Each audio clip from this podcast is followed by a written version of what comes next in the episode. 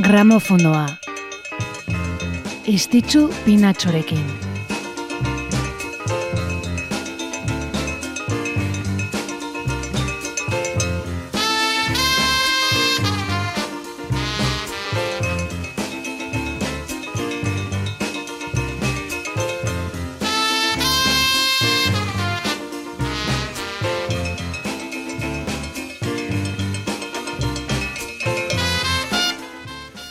Gabon, Gabon eta ongi etorri gramofonora. Arratxeko amarrak ditugu eta bertze aste azken batez hemen gaude naiz irratian. Eguna bukatzeko lotaratu aintzinetik urriaren hogeita seian gertatutakoak gogoratu eta musika onarekin gure belarriak goxatzeko gogoz. Hainbat kantu eta kontu ditugu zuekin elkar banatzeko, beraz, pres gaudenez, az gaitezen lendabizikoakin.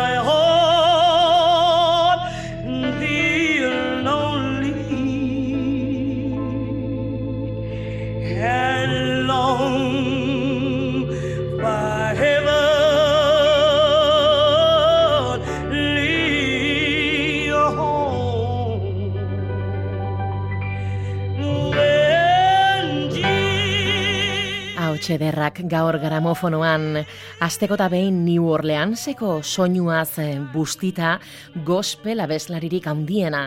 Gospelaren erregina bezala izautu zena, genero honetako emakume figurarik garrantzitsuena izanik.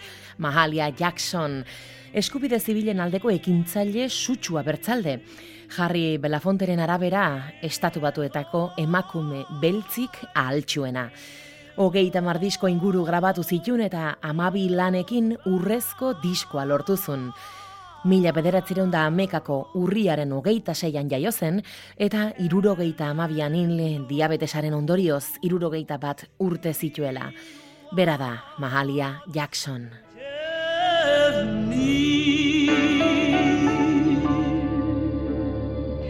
Yeah.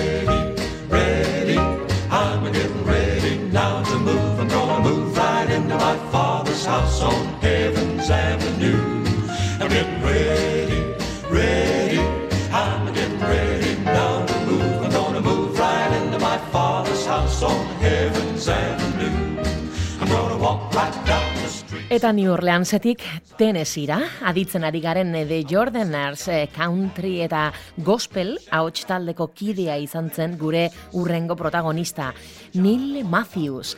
Mila bederatzeren da berrogeita amalauan sartu zen Neil The Jordaners eh, ahots taldean, eta bertze zenbait artista haundirekin aritu ziren abesten, Elvis Presleyekin adibidez. Ama hortzurtez, Elvis Presleyen bandako koristak izan baitziren The Jordanersekoak. Bino horretaz gain beren grabaketak eta beren albumak ere argitaratu zituzten. Neil Matthews taldeko abeslari nagusia izan zen, atzean aditzen dugun eh, ahots hauetako bat, eta 2000 garren urtean zendu bazen ere Neil Matthews gaurko egunekoa zen.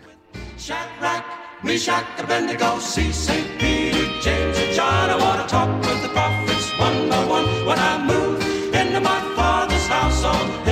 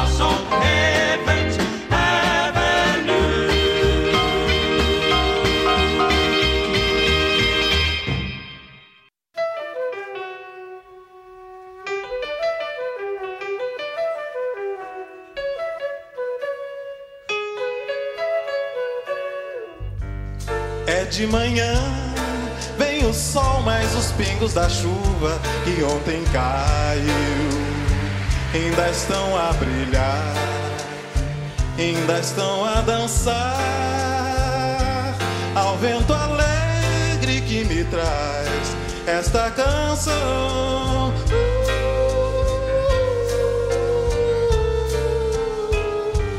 É de manhã, vem o sol mas os pingos da chuva que ontem caiu ainda estão a brilhar, ainda estão a dançar ao vento alegre que me traz esta canção.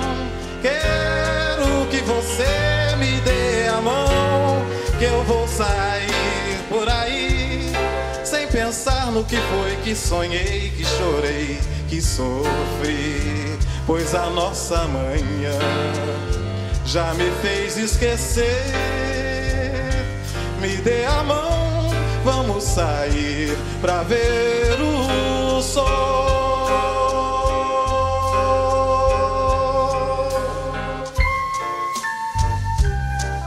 Eta berrogei garren amarkadan Milton Nascimento jaio zen Rio de Janeiron, Brasilen, samba, brasildar musika herrikoia eta pop rock musikako abeslari eta kompositorea da bera. Bere ibilbidea mila bederatzereun da irurogeita zeian hasi zen, Elis Reginak bere lehen abestietako bat grabatu zuenean, kansao do sal. Elis Reginak telebistara eramantzun kantura, Milton Nastimentoren ospea izugarri haunditu zorrela. Lanian hasi zen orduan eta nola gainera. Urte berri bakoitzean eh, disko berri batekin agertzen baizen estenan Milton Nascimento. Eta handik urte gutxira, Wayne Shorter eh, saxofoi jotzailearekin eh, egindako kolaborazioak ere, jasaren eta nazioarteko poparen estenan leku bat eman zion. Genero ezberdinak uztartzea maitezun Milton Nastimentok eta larogeita amabian Angelus izeneko diskoak nazioarteko jazz eta poparen lehen figuren kolaborazioak izan zitun, bertzeak bertze Peter Gabriel eta James Taylor abeslarienak.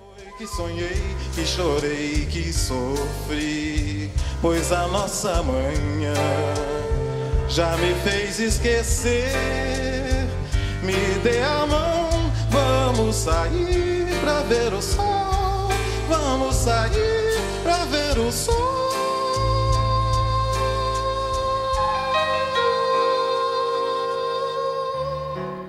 Milton Nascimento ezaguna da aditu dugun bezala bere falsete, erregistro eta komposizioa unitzen kalitate altuagatik.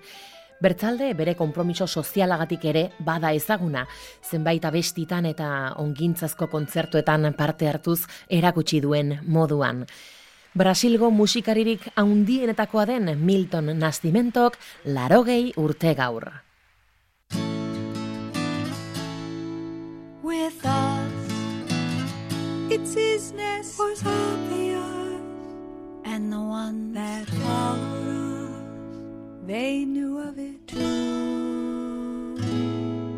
But the broomstick fell behind the moon.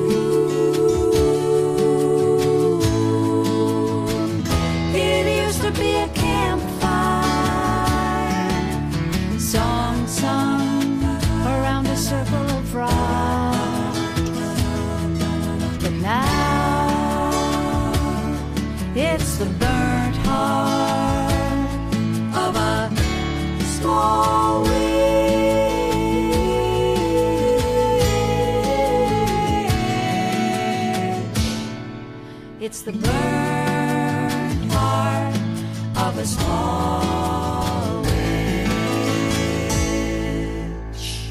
We scatter. Eta mila bederatzireun da berrogeita amekako urriaren hogeita zeian Maggie Roche folk kantautorea jaio zen New Jerseyn. Irurogei garren amarkadaren amaieran Maggie bere aizpa terrekin hasi zen New Yorkeko areto txikietan eta handi gutxira Paul Simonentzat koroak egin zituen There Goes Rhymin' Simon albumean. Irurogeita amaseian urte batzuk beranduxigo bertzea izpa bat batu zitzaien Susi eta The Rouge taldea sortu zuten. Bederatzi album argitaratu zituzten e, elkarrekin, mila bederatzireun da irurogeita emeretzi eta mila bederatzireun da larogeita amazazpigarren urteen artean irukotea desegin zen arte. Magik bakarka abesten segituzun eta e, susi aizparekin grabatzen, bino 2000 zazpian e, irurak berriz elkartu eta The Rouge taldearen amargarren eta azken diskoa izan entzena grabatu zuten. Aditzen ari garen Moon Swept hause.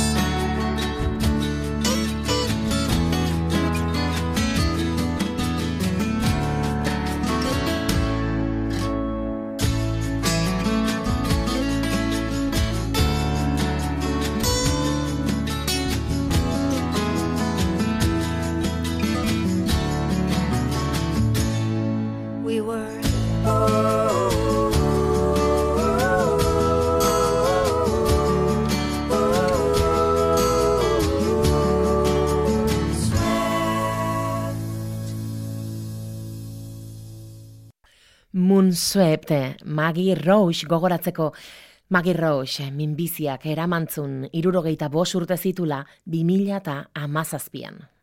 Gramofonoa, istitzu pinatxorekin. Eta guazen orain B-52 New Wave generoko banda mitikoarekin.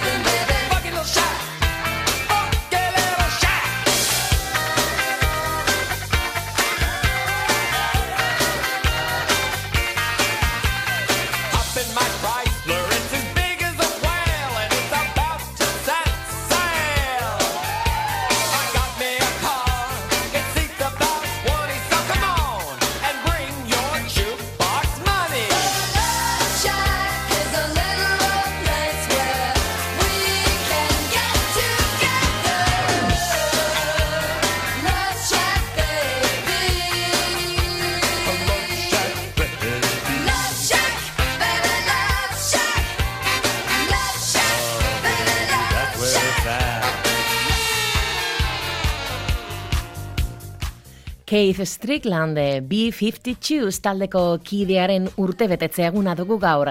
Keith Strickland musikari multiinstrumentista eta kompositore estatu batuarrak irurogeita bedetzi urte beteko ditu gaur bertan. The B-52 taldearen sortzailetako bat izan zen bera, irurogeita maseian, Bateria jotzaile gisa hasi zen, bino ondotik gitarra hartuzun, larogeita bortzean Ricky Wilson taldeko gitarjolea zendu ondotik. Taldeko kompositore nagusia da Keith Strickland eta teklatuak eta basua ere jotzen ditu. Bino 2008 garren urtean Stricklandek eh, geroztik taldeko kide izaten jarraitzen duen arren birak utziko zituela, iragarrizun. Gaur, Keith Stricklandek irurogeita bedetzi. These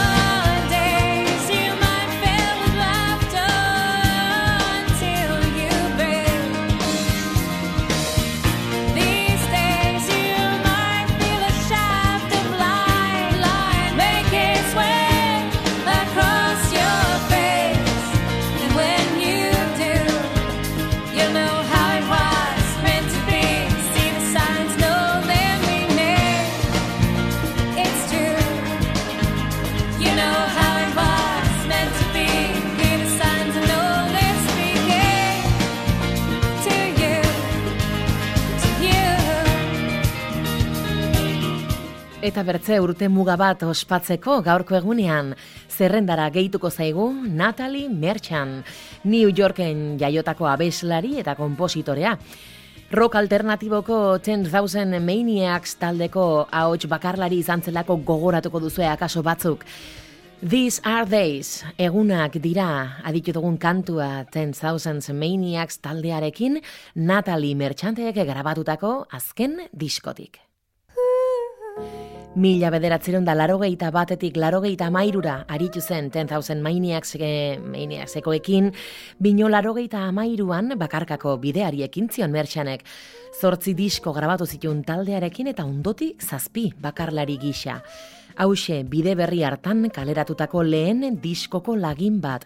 Honek izena du San Andreas Fall, Natalie Merchant. Go west,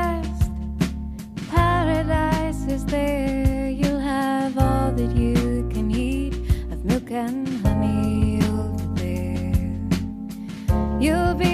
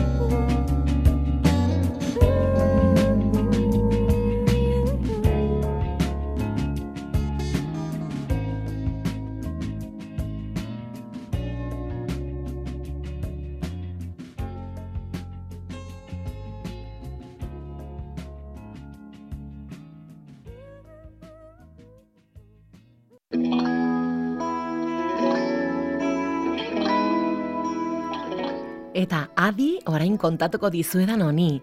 Izan ere, mila bederatzireun da irurogeita zazpiko urriaren hogeita seian, Pink Floyd talde ingelesa lehen aldiz aritu zelako estatu batuetan, Pink Floydek estatu batuetan emandako lehen kontzertua irurogeita zazpiko urriaren hogeita seian izan zen. Eta pentsatuko duzu ez lotura duen atzian aditzen ari garen kantu honek Pink Floydekoekin. Ba justun urtebete beranduago, irurogeita zortziko urriaren hogeita seian, Smile taldea Pink Floydel telonero gisa aritu zela Londresen. Brian May, Roger Taylor eta Tim Staffelek sortutako taldea Smile.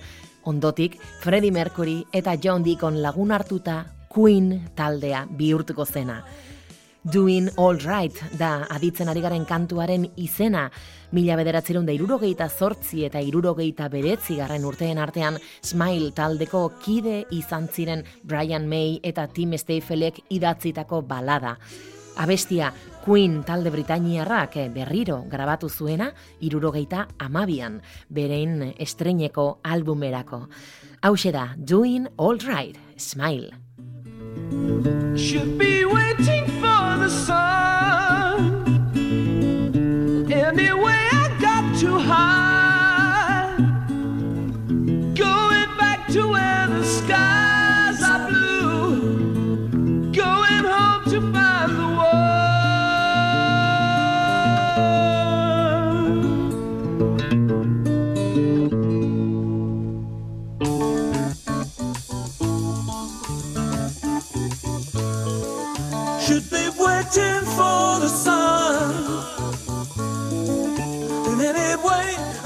I got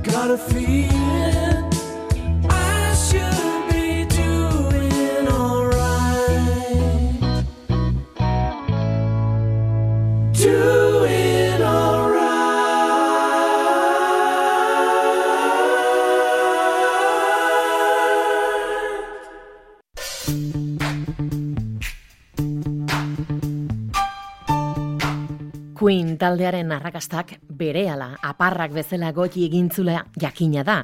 Eta horregatik saioa bukatzeko hause ekarri dizuegu.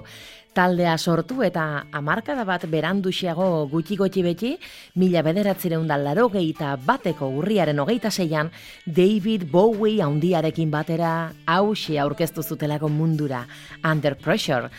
Kantua bortz musikarien artean konposatu zuten eta bai Queenen eta baita Bowieren arrakasta haundienetako bat izan zen. Under Pressure, Queen eta David Bowie elkarrekin.